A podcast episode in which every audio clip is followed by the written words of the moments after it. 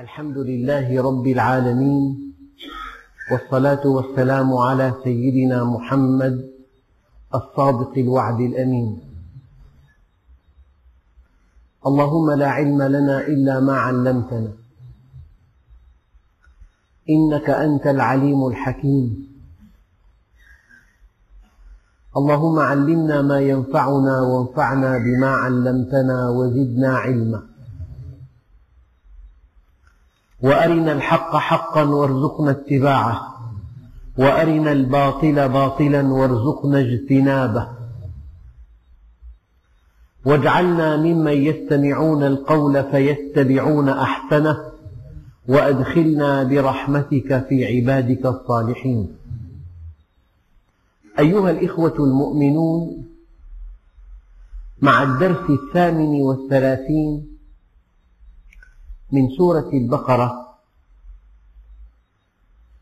ومع الآية الثانية بعد المئة.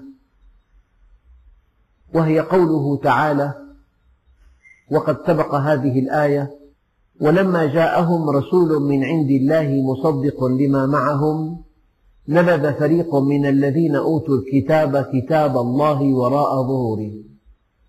كأنهم لا يعلمون. واتبعوا. نبذوا واتبعوا. وأي إنسان لا بد من أن يترك وأن يتبع. فالمؤمن ترك الباطل واتبع الحق والكافر ترك الحق واتبع الباطل. والويل ثم الويل ثم الويل لمن أعرض عن الحق واتجه إلى الباطل. لمن نبذ كتاب الله المنزل من عند الله الذي لا يأتيه الباطل من بين يديه ولا من خلفه. حبل الله المتين صراطه المستقيم طريق سعادة الإنسان منهجه القويم واتبع أهواء الناس. وأنت أيها الأخ الكريم لا بد من أن تدع شيئا وأن تأخذ بشيء. فالمؤمن كما قلت قبل قليل نبذ أقوال البشر وأهواء البشر وخرافات البشر وتخرصات البشر واتبع ما أنزل إلى النبي عليه الصلاة والسلام من عند الله. حق صرف وباطل متنوع. وأن هذا صراطي مستقيما فاتبعوه ولا تتبعوا السبل فتفرق بكم عن سبيله. الحق لا يتعدد. ماذا بعد الحق إلا الضلال؟ بين نقطتين لا يرسم إلا مستقيم واحد. وأي خط مستقيم يأتي فوق الخط المستقيم؟ الحق لا يتعدد. وحينما تستقيم على أمر الله تلتقي مع أخيك حتما. لقاء حتمي. ما دام أنت على صراط مستقيم وأخوك على صراط مستقيم الخطان المستقيمان يتطابقان. أية تفرقة بين مؤمنين؟ هذا يعني أن أحدهما على حق والثاني على باطل. مثل بسيط. لو أن هناك طريق مستقيم ينتهي بهدف وله بداية وانطلق اثنان على هذا الطريق بسرعة واحدة وباتجاه هدف واحد لقاؤهما حتمي إلا في حالة واحدة أن يسلك الأول هذا الطريق باتجاه هذا الهدف وأن يدعي الثاني أنه على هذا الطريق وهو ليس كذلك. إذا لا يلتقيان. المعركة بين حقين لا تكون. مستحيل. لأن الحق لا يتعدد. وبين حق وباطل لا تطول. لأن الله مع الحق. وبين باطلين لا تنتهي. لأن الله تخلى عنهما معا. فالأقوى ينتصر.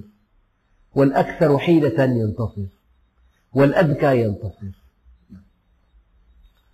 فلذلك نبذوا واتبعوا تركت ملة آبائي واتبعت الحق. فأنت لا بد من أن تسأل هذا السؤال. ما الذي تركته في سبيل الله؟ وما الذي أقبلت عليه في سبيل الله؟ الإنسان قد يدع حرفة فيها معصية لله. هل تركت شيئا في سبيل الله؟ هل أعرضت عن نظرية باطلة؟ عن تفسير سخيف عن اتجاه استحوذ على الناس. هل أعرضت عن بلوى عامة عمت الناس جميعا ولم تعبأ بها؟ هل أنت مع المجموع؟ قال عليه الصلاة والسلام لا تكونوا إمعة من هو الإمعة أنا مع الناس. إن أحسن الناس أحسنت وإن أساءوا أسأت سؤال وجيه وخطير. ما الذي تركته في سبيل الله؟ واتبعت من؟ ولا تطع من أغفلنا قلبه عن ذكرنا واتبع هواه وكان أمره فرطا واتبع سبيل من أناب إليه. هل عندك ما يسمى بالبراء والولاء؟ هل توالي المؤمنين ولو كانوا ضعافا؟ ولو كانوا فقراء؟ وهل تتبرأ من الكفار والمنحرفين ولو كانوا أقوياء وأغنياء؟ الولاء والبراء من خصائص المؤمن. لا بد من أن تتبرأ وأن تتولى. أما الذي يتولى أهل الكفر لما عندهم من دنيا لما عندهم من مكاسب لما عندهم من عطاءات ويعرض عن أهل الإيمان لضعفهم. النبي عليه الصلاة والسلام حينما قال لعدي بن حاتم وكان ملكا قال له لعله إنما يمنعك من دخول في هذا الدين ما ترى من حاجتهم فقراء كانوا الصحابة فقراء جدا. أما الصناديد والأقوياء وأصحاب الوجاهة والبأس والمال والقوة والأمر والنهي كانوا كفارا. ما نراك اتبعك إلا الذين هم أراذلنا بادي الرأي. أما أنت حينما تدع أهل الكفر ولو كانوا أقوياء وتؤوي إلى أهل الإيمان ولو كانوا ضعفاء فقد واليت وتبرأت يا أيها الذين آمنوا لا تتولوا قوما غضب الله عليهم. ومن يتولهم منكم فإنه منهم. لكن ضعاف الإيمان يوالون من حاد الله ورسوله. لما عنده من دنيا لما عندهم من دنيا عندهم من مكاسب. لك شركة رابحة جدا. تبيع الخمر أنا مضطر شو بيساوي يعني قد يوظف ماله في شركة ترتكب المعاصي وقد يعمل في عمل يقوم على معصية الله ابتغاء دنيا يصيبها أو امرأة ينكحها فهجرته إلى ما هاجر إليه. يعني أول شيء بالدرس لا بد من ترك ولا بد من تمسك. لا بد من إعراض ولا بد من إقبال. ما الذي تركته في سبيل الله؟ وما الذي أقبلت عليه في سبيل الله؟ هل انتقلت من خندق إلى خندق؟ هل انتقلت من موقع إلى موقع؟ هل انتقلت من نمط معيشة إلى نمط آخر؟ هل انتقلت من طريقة يألفها الناس وفيها بلوى عامة إلى طريقة يحبها النبي عليه الصلاة والسلام وهي نادرة؟ بدأ الدين غريبا وسيعود كما بدأ فطوبى للغرباء. أناس صالحون في قوم سوء كثير.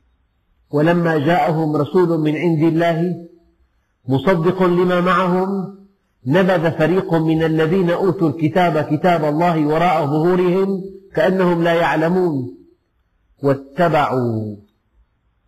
نبذوا واتبعوا. المؤمن ينبذ طريقة أهل الكفر قيم أهل الكفر مبادئ أهل الكفر الأنماط المعيشية لأهل الكفر. المؤمن لا يرضى أن يقلد أهل الكفر في بيته. هناك بيوتات المسلمين مع الأسف الشديد في أكثر احتفالاتهم ونشاطاتهم وسفرهم وإقامتهم يقلدون أهل الكفر. بل إن نصف كلماتهم ليست عربية. المؤمن يعتز بدينه ويعتز بإسلامه ويعتز بسنة نبيه عليه الصلاة والسلام. أيها الإخوة اتبعوا ما تتلو الشياطين.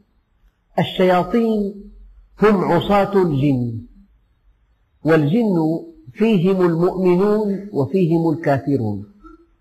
وأنا منا الصالحون ومنا دون ذلك كنا طرائق قددا والشياطين هم العصاة من الجن الذين عصوا الله عز وجل. بل إن منهم كفار ومؤمنون والمؤمنون طائعون وعصاة. وكل من عصى الله عز وجل وخرج عن منهجه فهو شيطان. ولو كان إنسانا والدليل وكذلك جعلنا لكل نبي عدوا شياطين الإنس والجن. وقد قدم شيطان الإنس على شيطان الجن لأن خطره أشد. إنسان يسكن إلى جوارك زميلك في عملك رفيقك في دراستك جارك في بيتك يحمل شهادة كما تحمل. يعيش كما تعيش لكنه شيطان. يدعوك إلى المعصية. يدعوك إلى العصرنة. يدعوك إلى التحلل من كل منهج سماوي. يدعوك إلى إلى كسب المال الحرام. يتهمك بالجنون إن لم تكسب مالا حراما. إن قنعت بالحلال ولو كان قليلا. ولم تطمع بالحرام ولو كان كثيرا يتهمك بالجنون. هذا شيطان الإنس. وقدم شيطان الإنس على شيطان الجن لأن شياطين الجن يحتاجون إلى دروس من شياطين الإنس. واتبعوا يعني قد يقول قائل لقد كان سياق الآية أن يقول الله عز وجل واتبعوا ما تلت الشياطين على ملك سليمان. ما تلت الشياطين. لكن الله عز وجل يقول واتبعوا ما تتلو. معنى المعركة بين الحق والباطل مستمرة إلى يوم القيامة. ليست هذه قصة وقعت وانتهت. شياطين الإنس والجن يتلون الباطل يلقون الباطل. ومثل كلمة خبيثة كشجرة خبيثة اجتثت من فوق الأرض ما لها من قرار. والكلم الباطل تطير في الآفاق. وقد يدين مئات الملايين بدين باطل. وقد يعبد خمسمائة مليون البقرة. يعبدونها من دون الله. وقد يعتقد مئات الملايين أن إلههم هو المال. أفرأيت من اتخذ إلهه هواه فالمعركة بين الحق والباطل مستمرة واتبعوا ما تتلو الشياطين على ملك سليمان. أيها الإخوة يعني فيما مضى كان الشياطين لهم مقاعد للسمع. يستمعون إلى الأوامر التي تحملها الملائكة إلى الأرض وكانوا يلقون إلى أوليائهم الكفار بعض هذه الأوامر. هذا ورد في القرآن الكريم. وأنا كنا نقعد مقاعد للسمع. لكن بعد بعثة النبي عليه الصلاة والسلام وأنا لمسنا السماء فوجدناها ملئت حرسا شديدا وشهبا. وأي شيطان أراد أن يسترق السمع أتبعه شهاب ثاقب فأحرقه. فلذلك لجأ الشياطين إلى السحر. ومن سحر فقد كفر. من سحر فقد كفر. السحر مأخوذ من السحر والسحر قبيل الفجر. يعني بين الظلمة والضوء. الصور تختلط. الساحر مهمته أن يخيل للمسحور شيئا لا علاقة له بالواقع. أن يرى شيئا لا وجود له. فخيل إليهم من سحرهم أنها تسعى. إنها لا تسعى ولكنهم سحروا. سحروا أعين الناس واسترهبوهم. وجاءوا بسحر عظيم. فمن خلال هذه الآيات يتضح أن السحر أن تسيطر على المسحور فتجعله يرى شيئا لا وجود له. أنا حدثني صديق ذهب إلى الهند. رواها لي مباشرة. أنه رأى ساحر أمسك بحبل وقذفه إلى الأعلى. فعلق في الأعلى. أمر غلامه أن يصعد على هذا الحبل فصعد على هذا الحبل حتى غاب عن الأنظار. أمره أن يرجع فلم يرجع فتبعه فإذا برأسه يقع مقطوعا وبيديه. لقد غضب الساحر من غلامه الذي لم يرجع. كان في تائح يصور صور هذا المشهد بكل تفاصيله. فلما أراد أن يظهر هذا الفيلم لم يجد شيئا. سحروا أعين الناس واسترهبوهم السحر أن تسيطر على المسحور بحيث تجعله يرى ما لم يرى. الإنسان إذا مشى في الظلام وكان خائفا يرى أشباح تتحرك. ليس في, في البيت شيء لكن الظلام الدامس والخوف الشديد وضعف النفس جعلا الإنسان يرى أشخاص يتحركون. والإنسان أيام يعني علماء النفس يضعون بقعة حبر يراها كل إنسان بشكل هي قضية نفسية يعبر عنه في علم النفس التنويم المغناطيسي يعني يستطيع المنوم أن يري آه، المنومين أشياء لا وجود لها إطلاقا. والآية واضحة. سحروا أعين الناس واسترهبوهم وجاءوا بسحر عظيم. فإذا حبالهم وعصيهم يخيل إليهم من سحرهم أنها تسعى. هي لا تسعى.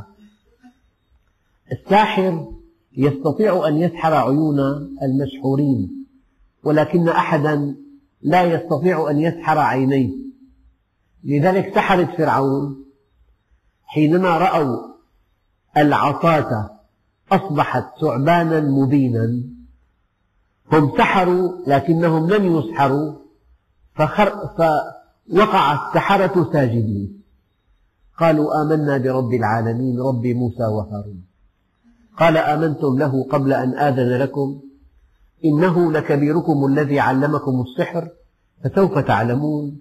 لأقطعن أيديكم وأرجلكم من خلاف ولأصلبنكم في جذوع النخل. إلى آخر الآية. حتى قالوا فاقض ما أنت قاض.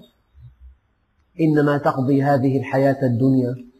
إنا آمنا بربنا ليغفر لنا خطايانا وما أكرهتنا عليه من السحر. والله خير وأبقى.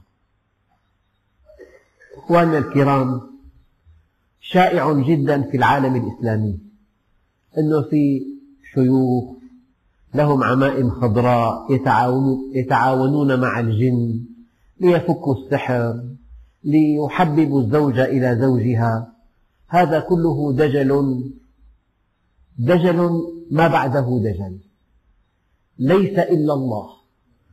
وليس إلا الدعاء وليس إلا أن تستعيذ بالله عز وجل.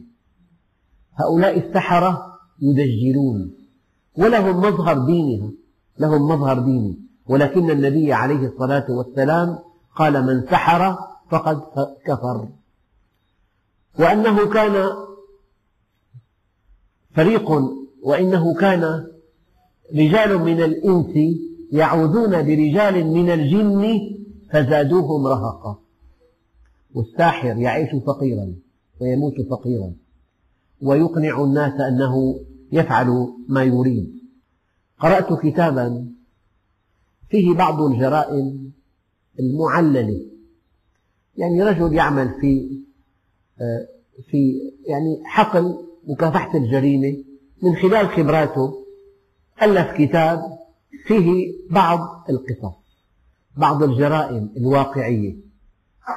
إحدى المسجونات امرأة تعمل في السحر. فهي اعترفت أنها ترشد المرأة إلى أن تطيع زوجها. طبعا أولا تدخلها إلى غرفة مظلمة والبخور وترتدي هذه المرأة السواد وشعرها مضطرب تحيطها بجو كفنوتي ثم تأمرها أن تطيع زوجها وأن تتزين له وأن تخدمه وأن وأن. الذي أمرتها به هو سبب علمي لمحبة زوجها لها. لكن هذه المرأة الغبية تتوهم أن الساحرة استطاعت أن توفق بينها وبين زوجها. لكن الأوامر الجزئية التي أعطتها إياها هي كافية كي تحبب المرأة بزوجها والعكس. يعني يجب أن نتحرى من هذه الأوهام أيها الإخوة. ليس في القرآن إلا وإما ينزغنك من الشيطان نزغ فاستعذ بالله. إن الذين اتقوا إذا مسهم طائف من الشيطان تذكروا فإذا هم مبصرون. قل أعوذ برب الفلق من شر ما خلق. قل أعوذ برب الناس ملك الناس إله الناس من شر الوسواس الخناس الذي يخنس يرتد سريعا معك سلاح خطير. يكفي أن تستعيذ بالله بقلب حاضر. ينتهي عمل الشياطين جميعا. آه، العلماء قالوا الشيطان له قدرة على الحركة السريعة وعلى التشكل فقد يتشكل بشكل إنسان أو بشكل حيوان أو جماد أو نبات. على كل حينما يتشكل بهذه الصورة تحكمه قوانين الصورة. ورد في بعض الأحاديث أن النبي رأى شيطانا فأراد أن يربطه بتارية المسجد ليطلع عليه الصحابة لكنه اختفى سريعا. يعني إذا تشكل الشيطان بشكل تحكمه قوانين هذا الشكل. يعني العلماء قالوا لو تشكل الشيطان بإنسان وأطلقت عليه النار لمات فورا. تحكمه قوانين هذه الصورة. فلذلك سريعا ما يظهر ويختفي. أما هو حقيقته إنهم يرونكم من حيث لا ترونهم على كل معك سلاح فتاك. قل أعوذ برب الفلق من شر ما خلق. والآن قلما تجد من يشكو من الشياطين لأن الشياطين الجن تتعلم من شياطين الإنس. معكوسة الآية الآن. لعلهم يستعيذون من شياطين الإنس شياطين الجن. نعم. واتبعوا ما تتلو الشياطين على ملك سليمان يعني على عهد الملك سليمان النبي. طبعا قالوا أن سليمان أنشأ ملكه على السحرة والشياطين. سليمان ارتد عابد وثن وسمح للوثنيين أن ينشئوا معابدهم كلام ترويه كتب بني إسرائيل. لا أساس لها من الصحة. خرافات وأضاليل وأكاذيب. واتبعوا ما تتلو الشياطين على ملك سليمان. أن سليمان ملكه هو في خاتم. إنسان استطاع أن يأخذ منه هذا الخاتم فقد ملكه. قصص يعني لا يحسن بنا أن نعيدها وأن نذكرها لأنها لا وجود لها. أنبياء يرتدون إلى عباد صنم أنبياء ينشئون معابد للأوثان أنبياء يزنون ببناتهم هكذا في التلمود. يعني ما جاء في التلمود وما جاء في كتب بني إسرائيل شيء لا يقبل إطلاقا على الأنبياء. واتبعوا ما تتلو الشياطين على ملك سليمان وما كفر سليمان. سليمان ما كفر ولكن الشياطين كفروا. يعلمون الناس السحر. الشياطين يعلمون الناس السحر. يتعاونون مع الإنس لإبطال الحق وإظهار الباطل. يتعاونون مع الإنس لشيوع المعصية إشاعة المعصية. فكل علاقة بين الإنس والجن هي علاقة إضلال. كل علاقة بين الإنس والجن هي علاقة تزوير علاقة صرف الناس عن الله عز وجل وعن دين الله وعن كتاب الله. بالمناسبة حقيقة دقيقة جدا. ما من شيء يقربنا إلى الله عز وجل إلا أمرنا النبي به. وما من شيء يبعدنا عن الله عز وجل إلا نهانا النبي عنه. فإذا كان التعاون مع الجن نافع وينفعنا ويفيدنا ويقربنا لكان الأولى أن يأمرنا النبي به. والنبي عليه الصلاة والسلام في قول العلماء لا يؤخر بيان الشيء عن وقته لأنه معصوم نبي مرسل. ممكن يكون في نفع مع الشياطين مع الجن بالتعاون معهم. والنبي عليه الصلاة والسلام لم يأمرنا بذلك. هو أمين على وحي السماء أمين على هذه الرسالة. إذا كل شيء لم يرد في السنة ينبغي ألا نفعله لأنه لا نفع منه. واتبعوا ما تتلو الشياطين على ملك سليمان وما كفر سليمان ولكن الشياطين كفروا. يعلمون الناس السحر. وأنا أقول لكم يعني السحر منتشر في بلاد المسلمين. حتى إن ذكر لي أخ جزاه الله خيرا شاهد مناظرة في بعض بلاد الخليج بين علماء مسلمين وبين سحرة وقد ظهر دجلهم وكذبهم وجهلهم بشكل فاضح. الساحر ليس على شيء. أما المؤمن معه كتاب الله.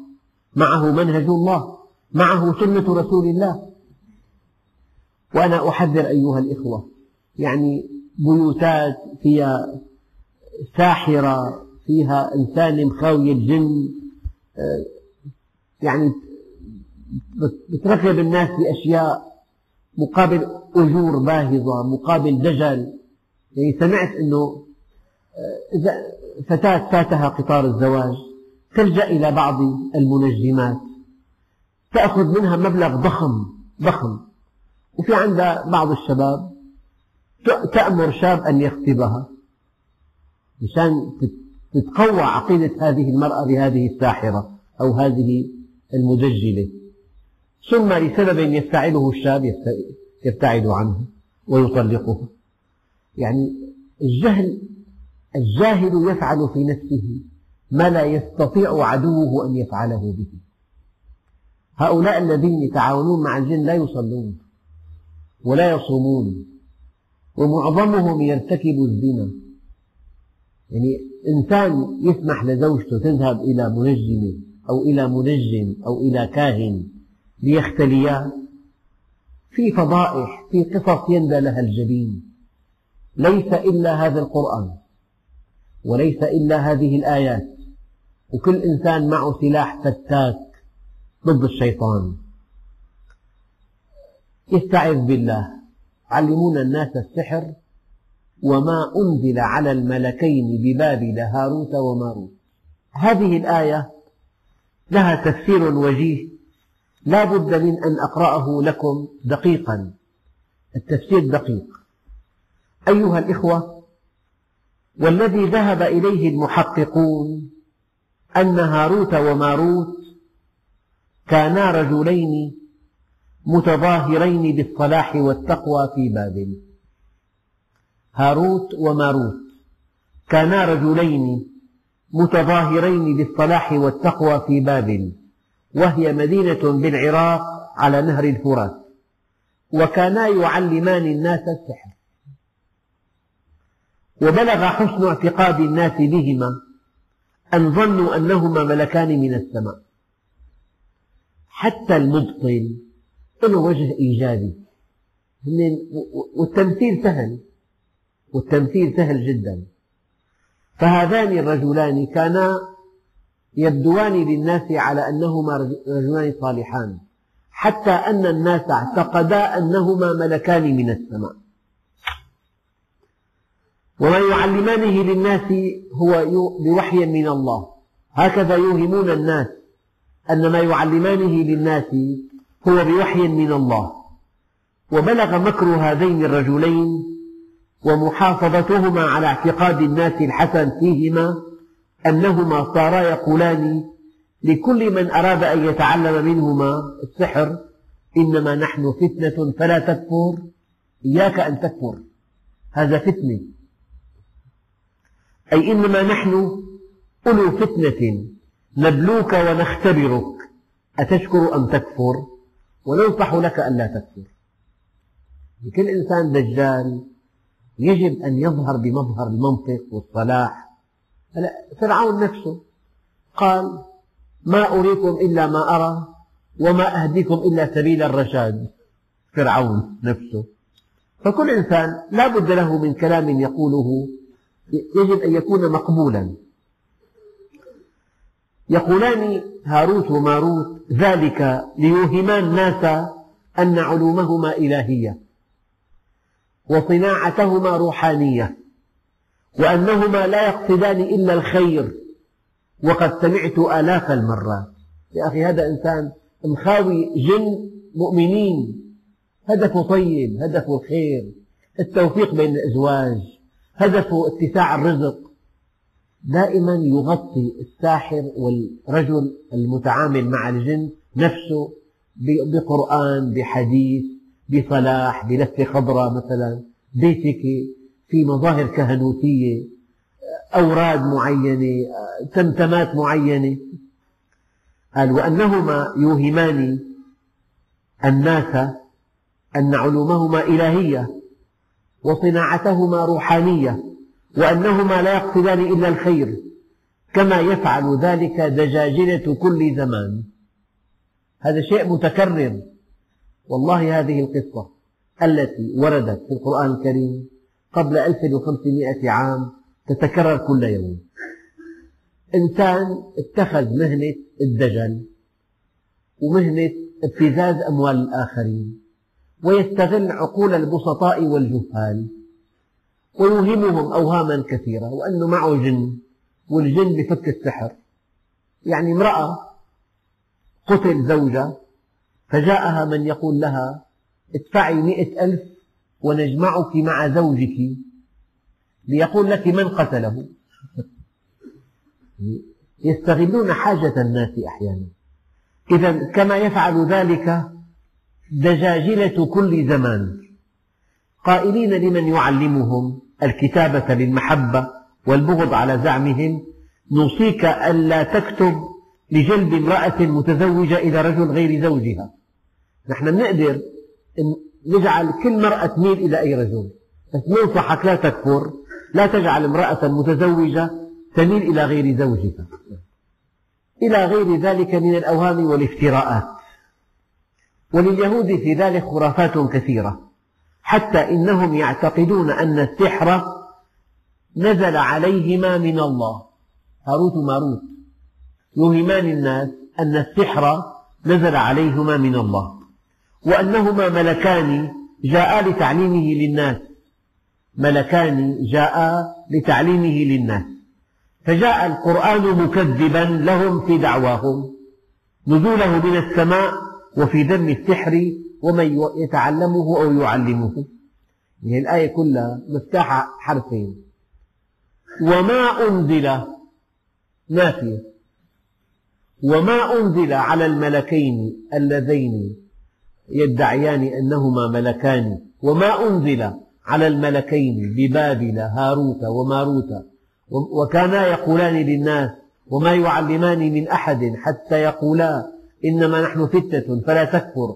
فيتعلمون منهما ما يفرقون به بين المرء وزوجه. تعقيب إلهي وما هم بضارين به من أحد إلا بإذن الله. التصميم إلهي. لا يستطيع كائن من كان على وجه الأرض أن ينالك بسوء إلا أن يأذن الله عز وجل. فما هنا نافية؟ يجب أن نعتقد طبعا هذا تفسير محترم جدا وما هنا نافية وما أنزل على الملكين. على أصح الأقوال ولفظ الملكين وارد حسب العرف الجاري. مثلا قد يأتي أستاذ للأدب في الجامعة يقول آلهة اليونان. طيب هناك آلهة في اليونان؟ هذا اسمه تعبير العرف.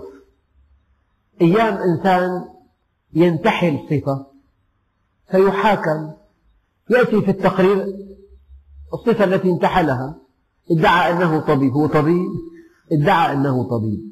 فكلمة وما أنزل على الملكين هذا في رأي المفسر على جرى على مجرى استخدام التثنية العرفية. نعم.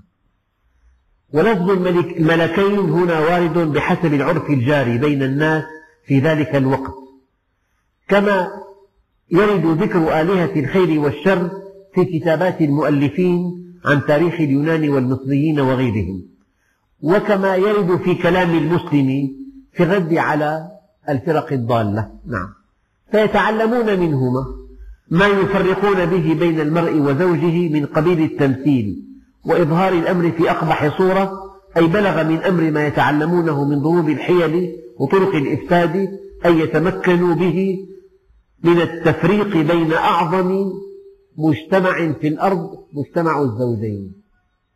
بالمناسبة يعني كل نشاطات الجن بل شياطين الجن التفريق بين الزوجين. وكل أعمال الخير التوفيق بين الزوجين. وأنا أقول دائما في عقود القرآن إذا بني الزواج على طاعة الله تولى الله في عليائه التوفيق بين الزوجين. وإذا بني على معصية الله تولى الشيطان التفريق بينهما. أما ما ورد في كتب بني إسرائيل عن هاروت وماروت هناك أحاديث عجيبة. زعموا أنهما كانا ملكين من الملائكة. هذا القصة الكاذبة القصة المزورة. ما ورد في كتب بني إسرائيل. ما أشاع بنو إسرائيل. الأولى هي الصحيحة. يعني هذه القصة نفاها الله عز وجل من أصلها. وما أنزل على الملكين. هؤلاء الرجلين هاروت وماروت اللذين زعما أنهما ملكين يعلمون الناس السحر بوحي من السماء ويفرقون بين المرء وزوجه ويقولون للناس لا تكفروا إنما نحن فتنة. هذه القصة بقضها وقضيضها لا أصل لها. أما كيف وردت في كتب بني إسرائيل؟ قال هما زعم اليهود أن هاروت وماروت كانا ملكين ملكين من الملائكة وأنهما لما نظرا إلى ما يصنع أهل الأرض من المعاصي أنكرا ذلك وأكبراه ودعوا على أهل الأرض فأوحى الله إليهما إني لو ابتليتكما كما ابتليت به بني آدم من الشهوات لعصيتماني. معناها لما الله ابتلى الإنسان بالشهوات معه حق يعصيه شايف الكلام المخيف. فقال يا رب لو ابتليتنا لم نفعل. هل يمكن لمخلوق أن يرد على الخالق بعكس ما يريد؟ الإله يقول لو ابتليتكما كما ابتليت بني آدم لعصيتماني لا يا رب لا نعصيك فأهبطهما إلى الأرض وابتلاهما الله بشهوات بني آدم فمكثا في بلدة كانت فيها فاجرة تسمى الزهرة. امرأة فاجرة. فدعواها إلى الفاحشة ووقعاها بعد أن شربا الخمر وقتلا النفس وسجدا للصنم هكذا القصة وردت في كتب بني إسرائيل. وعلماها اسم الله الأعظم لها الفاجرة الزانية المومس الذي كانا به يعرجان إلى السماء فتكلمت المرأة بهذا الاسم وعرجت إلى السماء. فمسخها الله تعالى وصيرها نجم الزهرة. نعم هذه القصة. هذه القصة التي نفاها الله عز وجل. وما أنزل ما نافية. ثم إن الله تعالى عرف هاروت وماروت على نتابع قصة بني إسرائيل. قبيح ما فيهما ما فيه وقعا ثم خيرهما بين عذاب الآخرة آجلا وبين عذاب الدنيا عاجلا. فاختارا عذاب الدنيا فجعلهما ببابل منكوسين في بئر إلى يوم القيامة. وهما يعلمان الناس السحر وهما في البئر يعلمان الناس السحر ويدعوان إليه ولا يراهما أحد إلا من ذهب إلى ذلك الموضع لتعلم السحر خاصة. وهذه القصة من اختلاق اليهود وتقولاتهم ولم يقم بها القرآن قط وإنما ذكرها التلمود كما يعلم كما يعلم من مراجعة مدارس يزكوت في الإصحاح الثالث والثلاثين. نعم. وجاراه جهلة القصاص من المسلمين فأخذوها عنه. وقد وردت في بعض كتب التفسير. القصة الباطلة. في بعض الكتب طبعا. الإمام الرازي رحمه الله تعالى فند هذه القصة الباطلة. فقال الرازي رحمه الله تعالى فند هذه القصة الباطلة التي لا تستقيم من وجوه كثيرة. قال ذكروا في القصة أن الله جل جلاله قال لهما لهاروت وماروت لو ابتليتكما بما ابتليت به بني آدم لعصيتماني. فقالا لو فعلت ذلك بنا يا رب لما عصيناك. وهذا منهم تكذيب لله تعالى وتجهيل له وهذا من صريح الكفر. هي أول بند أنهما خيرا بين عذاب الدنيا وعذاب الآخرة. وذلك فاسد بل كان الأولى أن يخيرا بين التوبة وبين العذاب. ثالثا إنهما يعلمان الناس السحر في حال كونهما معذبين في بئر في بابل ويدعوان إليه وهما يعاقبان. شيء غير مقبول عقليا. وأن السحر لو كان نازلا عليهما لكان منزله هو الله. وهذا غير جائز في حق الله عز وجل لأن السحر كفر وعبث لا يليق بالله تعالى إنزال ذلك. ولكن الشياطين كفروا يعلمون الناس السحر يدل على أن تعليم السحر كفر. فهل يعقل أن الله يعلمهم السحر كي يعلمانه للناس؟ فلو ثبت في الملائكة أنهم يعلمون السحر لزمهم الكفر وهذا باطل. ثم إنه لا يجوز في الأنبياء أن يبعثوا لتعليم السحر. فكذلك في الملائكة من باب أولى. مستحيل ملك يعلم السحر. من سحر فقد كفر. ثم إن السحر لا ينضاف إلا إلى الكفرة والفسقة والشياطين المردة. وكيف يضاف إلى الله تعالى وينهى عنه؟ ويتوعد عليه العقاب. وهل السحر إلا الباطل المموه؟ وقد جرت عادة الله بإبطاله كما قال في قصة موسى عليه السلام ما جئتم به السحر إن الله سيبطله. إذا في عنا قصة مكتوبة في التلمود باطلة لا أصل لها افتراء من اليهود على الله عز وجل فجاء القرآن الكريم ونفى هذه القصة من أصلها. نفاها بحرف واحد. قال وما أنزل على ما توهمها توهمهم الناس أنهما ملكين. الله عز وجل نفى هذه القصة من أصلها نعيد الآيات. ولما جاءهم رسول من عند الله مصدق لما معهم نبذ فريق من الذين أوتوا الكتاب كتاب الله وراء ظهورهم كأنهم لا يعلمون. نبذوا كتاب الله واتبعوا هذه الخرافات. ما تتلو الشياطين على ملك سليمان وما كفر سليمان ولكن الشياطين كفروا. طيب كم مسلم الآن ينبذ كلام الله وسنة رسوله ويتبع ما, ما يتلوه القصاصون من حكايات باطلة وخرافات سخيفة ودجل وكرامات ومنامات. شيء غير معقول.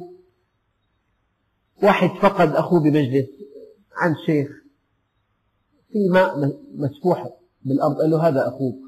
من شدة حبه لنا صار كالماء. ذاب يعني كلمات غير مقبولة غير معقولة. واحد دفن.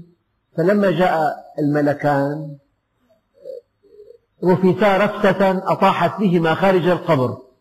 قال شيخ إجا الملكين قال لهم أمثل هذا يسأل هذا من إخواننا؟ تلاقي ثالث كلام الله وكلام النبي المعصوم. وكل حياته قصص وخرافات وأوهام ومنامات وكرامات. هذا واقع. مسلمون كثيرون. ولكن الشياطين كفروا يعلمون الناس السحر. الشياطين هم الذين كفروا. هم الذين يعلمون الناس السحر. وما كفر سليمان. ولكن الشياطين كفروا. يعلمون الناس السحر. وما أنزل على الملكين ببابل هاروت وماروت وما يعلمان من أحد حتى يقولا إنما نحن فتنة فلا تكفر فيتعلمون منهما ما يفرقون به بين المرء وزوجه وما هم بضارين به من أحد إلا بإذن الله. هذا تعقيب إلهي. يعني اطمئنوا. لا يستطيع السحرة أن يفعلوا شيئا.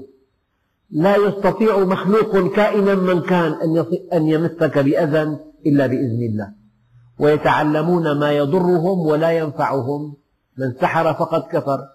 وأنه كان رجال من الإنس يعوذون برجال من الجن فزادوهم رهقا. ولقد علموا لمن اشتراه ما له في الآخرة من خلاق ولبئس ما شروا به أنفسهم لو كانوا يعلمون. والحمد لله رب العالمين.